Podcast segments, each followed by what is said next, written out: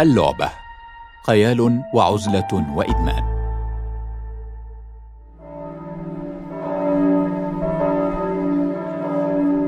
من منبر الكنيسة تطلع الأب الثاكل في الوجوه. عشرات الوجوه الشابة لا يعرف أيا منها. جاءوا لتأبين ماتس الابن الذي عاش وحيدا ومات محاطا بالأصدقاء. توفي ماتس عن خمسة وعشرين عاما قضاها على كرسي متحرك. لم يخرج من المنزل إلا لماما ولم يعرف له أبواه أي أصدقاء. وهو في سن الرابعة شخص الأطباء ماتس مرض نادر سبب له ضمورا شديدا في العضلات. ماتس كان طفلا. واللعب حق للطفل. فماذا تفعل العائلة؟ شيئا فشيئا تعلم ماتس استخدام الحاسوب. وفي سن المراهقة أصبح مقاتلا في عالم افتراضي. صار نجما في لعبة عالم الحروب وخبيرا في منتدياتها. لعب ماتس خمس ساعات ونصف الساعة تقريبا كل يوم. سبعة أيام في الأسبوع لعشر سنوات. عشرون ألف ساعة بالتمام والكمال. ظن والداه أنه كان يعزل نفسه عن العالم لكنه كان يخلق لنفسه عالما جديدا. في هذا العالم الخيالي تحرك ماتس تعرف على مدن كون صداقات وحقق انجازات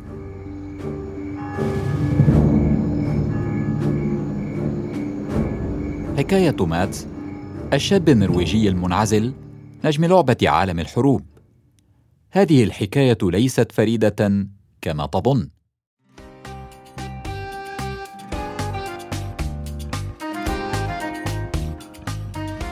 أهلا بيكم وأول حلقة من اركيد هذه دعاء صلاح. الألعاب الإلكترونية دخلت حياتها في عمر السادسة. ماما كانت دايما تخبي الكيبل بتاع الكمبيوتر يعني كان الحاجة يعني المضحكة في الموضوع هي كانت بتخبيه في الأول في أماكن على مرمى البصر. في العالم اليوم ملياران من البشر يلعبون إلكترونيا. هذا واحد من كل أربعة على كوكب الأرض. ومعدل اللعب عالميا أكثر من ثماني ساعات في الأسبوع. فهل اللعب مضيعة للوقت؟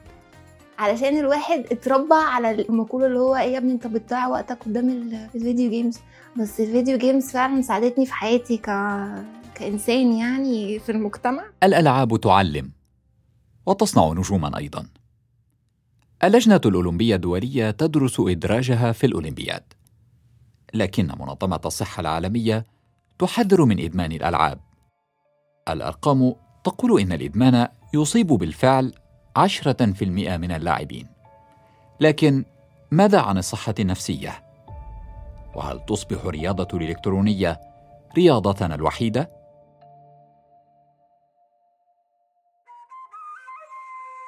ال- الموت دخلني في depression أو دايرة اكتئاب الموضوع زايد بقى ال gaming بقى وقتها زاد قوي بقى جدا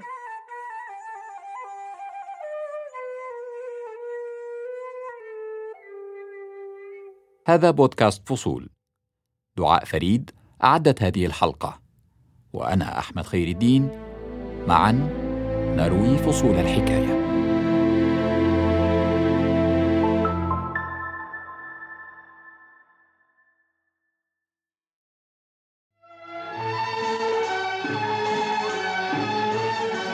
دايما بابا وماما كان عندهم طقوس معينة في شم النسيم بالذات. بابا كان ياخدني في يوم شم النسيم الصبح بدري. كنا بنيجي تحرير وكان بيجيب لي ورد أبيض كل سنة. وماما كانت لما نرجع لها نجيب لها الورد ونشغل فريد الأطرش. دعاء كانت طفلة وحيدة لا أخوة لها تلعب بمفردها. كنا بناخد فلوس العيدية وساعات فلوس الدروس يعني كنا بنروح صالات الأركيد وقتها كانت بتبقى رحلة يعني إثارة اللي أنا هروح أفرتك ال- العيدية في أركيد الأركيد دي اللي هي ال- الأجهزة الكبيرة اللي بتلعبي مثلا بال- بالجن أو المسدس وبتضربي على شاشة. إذا كنت من جيل الثمانينيات فربما تتذكر الأركيدز أو صالات ألعاب الفيديو. أما إذا كنت من جيل التسعينيات فربما تتذكر الأتاري. كان جهازا صغيرا من صنع شركة أمريكية تدعى أتاري. كان الجهاز يتصل بالتلفاز ويفتح عالما من الخيال.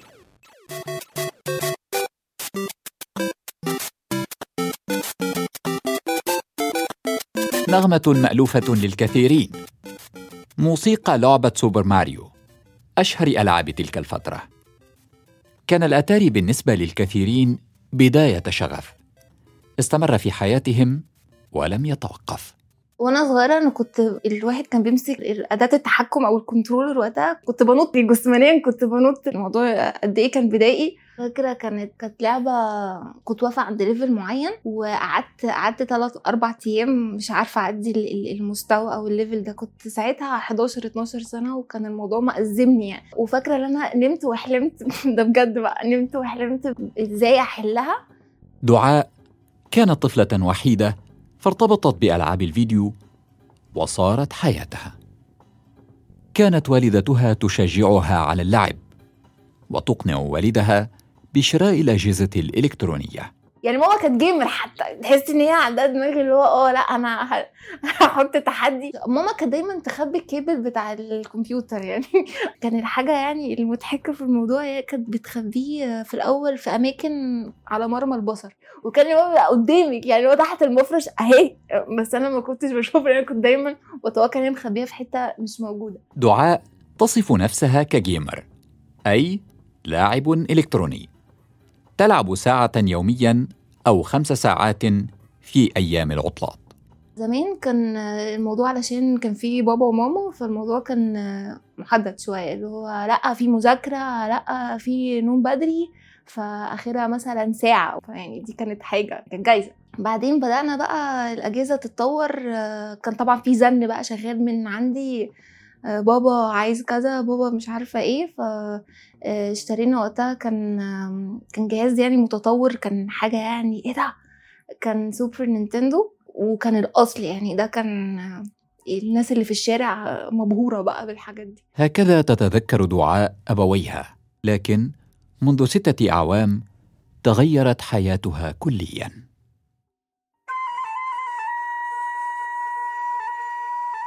الموضوع إن كنت مرتبطة بامي كنت مرتبطة بيها جامد وماما ماما يعني كان عندها سرطان ف فشفتها وهي يعني بتموت. فالموضوع كان بعد بعد ما كان في تروما بقى بعد الموت فدخلني في depression أو دايرة اكتئاب.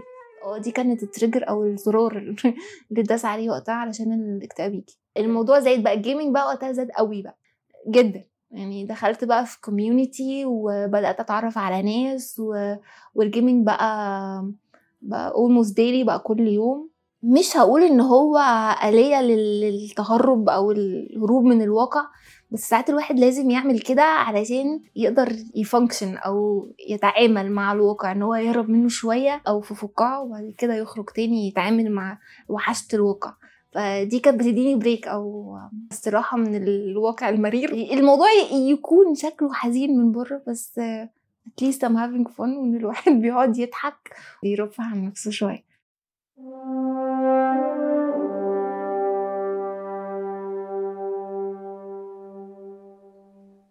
هذه موسيقى اللعبة المفضلة لدى دعاء اسمها Destiny لعبت كل أجزائها ولعبت عشرات الألعاب الأخرى. بحب ال shooter. ال shooter اللي هي بتضربي زي ما هي متقالة shooter بتضربي نار في موجود خطة بتلعبي بيها ال weapons أو الأسلحة. فا آه أنا بحب ال shooter أكتر فئة من ال games يعني. ليها دعوة بالعنف شوية. بس آه بتفنتي غضب اللي بيحصل طول اليوم في جيم دعاء. تقول إن الألعاب تنفس عن الغضب بداخلها. هنا تحديدا يبدأ القلق. هذا بودكاست فصول.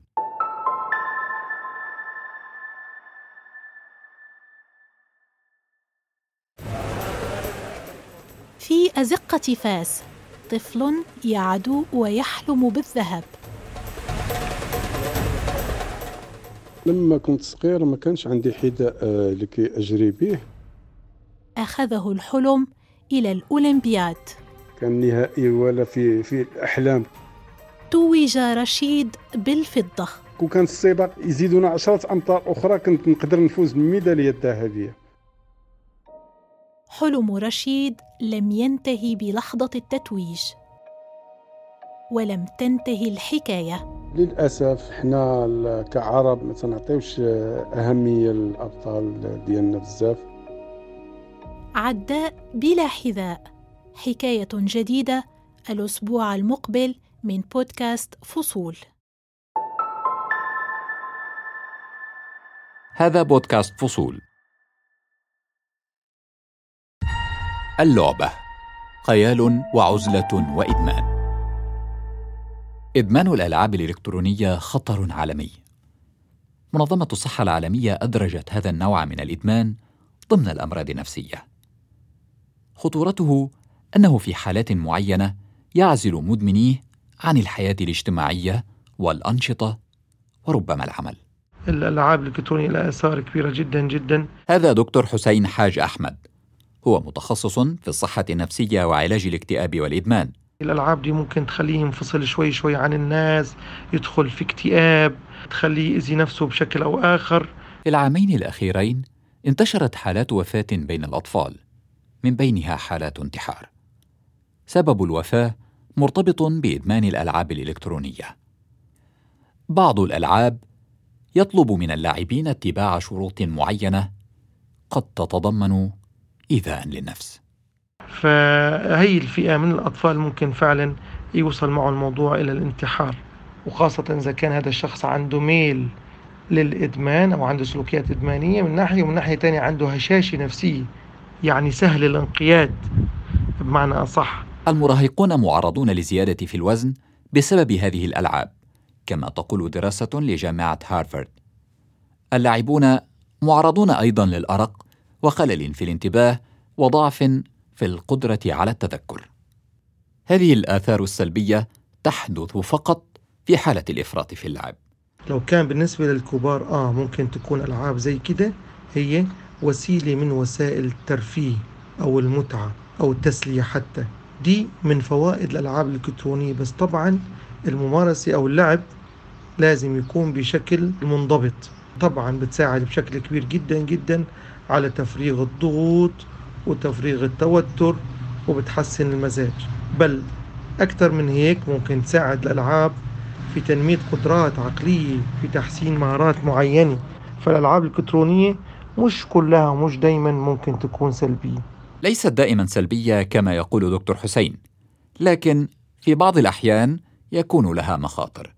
طبعا الصغار لا نحن نفضل إنه يبتعدوا أصلا عن كل الوسائل الإلكترونية ألعاب إلكترونية موبايل تلفزيون لأني له آثار كبيرة جدا جدا جدا. آه ممكن هن الأطفال آه، يستمتعوا في اللعبة هي ممكن آه، تفيدهم بجانب بس ممكن توقع عندهم جوانب كثيره جدا جدا وممكن يكون لها آثار ضارة عليهم. مع بداية انتشار ألعاب الفيديو ربط البعض بينها وبين الاكتئاب أن الشخص قد يلجأ للعب ليهرب من الواقع. لكن علميا لا يوجد ربط مباشر. استبعدت دراسة من جامعة جونز هوبكنز الأمريكية تلك الصلة. الأمراض النفسية ما هياش زي الأمراض الجسمانية اللي هو ليها cure أو ليها نهايه يلا خد ال cure ده أو الدواء ده وهتبقى كويس. الفكرة ممكن تبقى تعايش هو ده الشفاء أكتر ما يكون الشفاء ليه end أو نهايه قاطعه أو واضحة يعني. هذه دعاء صلاح. الألعاب الإلكترونية دخلت حياتها في عمر السادسة. دعاء حاليا في عمر الخامسة والثلاثين. أصبحت ألعاب الفيديو جزءا من هوية دعاء. كل هذا جعل دعاء تقرر. أن تتغلب على الاكتئاب باللعب. اتجهت لنقد وشرح الألعاب ودخلت منافسات وكسبتها. أسست قناة على يوتيوب ولديها بودكاست. الآلاف يتابعون دعاء لمعرفة أفضل الألعاب. تلعب أحيانا على الهواء مباشرة ويتابع الجمهور هذه الجلسات. غريبة مش كده؟ واحدة بنت بتتكلم عن video games وجو ملوش علاقة أصلا بالبنات وأخيرا نعمل كوبايتين شاي في المطبخ ونيجي نشربهم. هو أنا عملت كوبايتين شاي وهاجي أشربهم وبرضه هتكلم عن ال video games ال video games ملهاش علاقة إن في بنت أو ولد بيلعبوهم. هي ليها علاقة إن أنت واحد عندك passion أو عندك شغف ب video games وبتعرف تلعبها مش أكتر. لو حد عايز أو شايف أو شاكك إن أنا بنت ما بتعرفش تلعب games يلا let's go 1 on 1 في ماتش deathmatch في Call of Duty خلتني دايما on alert أو دايما متحمسة وجاهزة لأي حاجة. ال video games ساعدتني على كده انت انت بتعملي كذا حاجة في وقت واحد وال video games ده الطبيعي بتاعها أي مشكلة بتقابلك انت مش بتشوفيها بوجه واحد أو بمنظور واحد انت بتشوفيها بكذا منظور آه، بتحليها في دماغك 700 مرة. دايما متنبهة للي حواليكي أو ال- البيئة اللي حواليكي أكتر من الناس العادية. فالحواس عندك زايدة واخدة ايدج زيادة. الألعاب قيمتها كبيرة في حياة دعاء وفي الاقتصاد العالمي أيضا. حجم سوق الفيديو جيمز عالميا يقدر ب 150 مليار دولار. شركات التكنولوجيا العملاقة جوجل وأمازون وفيسبوك أطلقت خدمات ومنصات لألعاب الفيديو.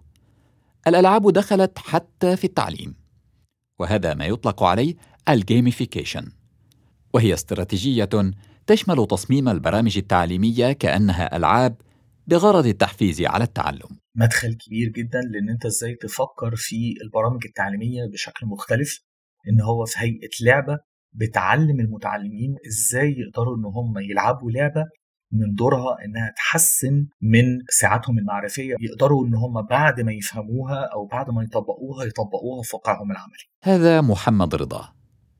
محمد أحب منذ صغره الألعاب الإلكترونية وصار متخصصا في التعليم والتطوير. وإحنا صغيرين أنا كنت يعني محظوظ إن أنا كنت في عيلة بتشجع على ما يسمى بال board games اللي هي الألعاب اللي زي Risk وزي Monopoly والحاجات دي.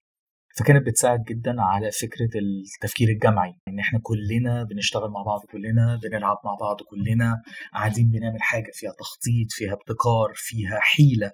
في رأي محمد هذه الألعاب تساعد في تطوير مهارات التفكير والتخطيط. وحتى اللعبة زي لعبة ريسك كانت بتعلمك كتير عن الدول من وجهة نظر الجغرافيا كانت بتعلمك عن الحروب وعن التاريخ. ولو إحنا رحنا على لعب الكمبيوتر فلعب زي Age of Empires ولعبة زي Assassin's Creed كانت بتعلمك حاجات كتير عن التاريخ برضو كانت بتعلمك كتير عن المعالم كانت بتعلمك كتير عن العقود اللي كانت بتحصل زمان ما بين الدول وما بين الشخصيات التاريخية المختلفة. فكانت بتساعد على توسيع ثقافتك ومداركك. لم يكن محمد يعلم أنه يوما سيصبح مصمم ألعاب لكن بغرض التعليم. أول مدخل ليا في موضوع الألعاب كان إن أنا اشتغلت في شركة بنصمم business board games يعني برامج محاكاة لل business ولنظم الإدارة وبنبتدي إن إحنا نعملها في هيئة لعبة. وكان الموضوع ده كان يعني جديد نسبيا وكان ممتع جدا في إن أنت تخلي الناس يعيشوا حالة يعيشوا آه، فكرة.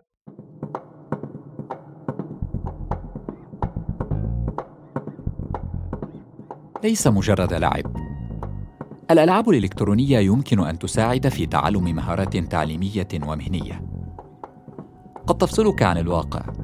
لكنها ربما تلهمك هي ربما تعزلك عمن حولك لكن تعرفك على أشخاص جدد. هي تنمي مهارة حل المشكلات لكن الإفراط في ممارستها قد يقع بك في مشكلة أخرى. دعاء وجدت وصفتها في الاعتدال لكن ماذا عنك أنت؟ احكي لنا تجربتك مع الألعاب الإلكترونية في التعليقات أو ارسلها لنا على بودكاست الحرة دوت كوم أنا أحمد خير الدين دمت في صحة وعافية. بودكاست فصول. نروي معا فصول الحكاية. اشترك في الحرة بودكاست على Apple Podcast و Google Podcast. وتابعنا على Spotify YouTube و SoundCloud.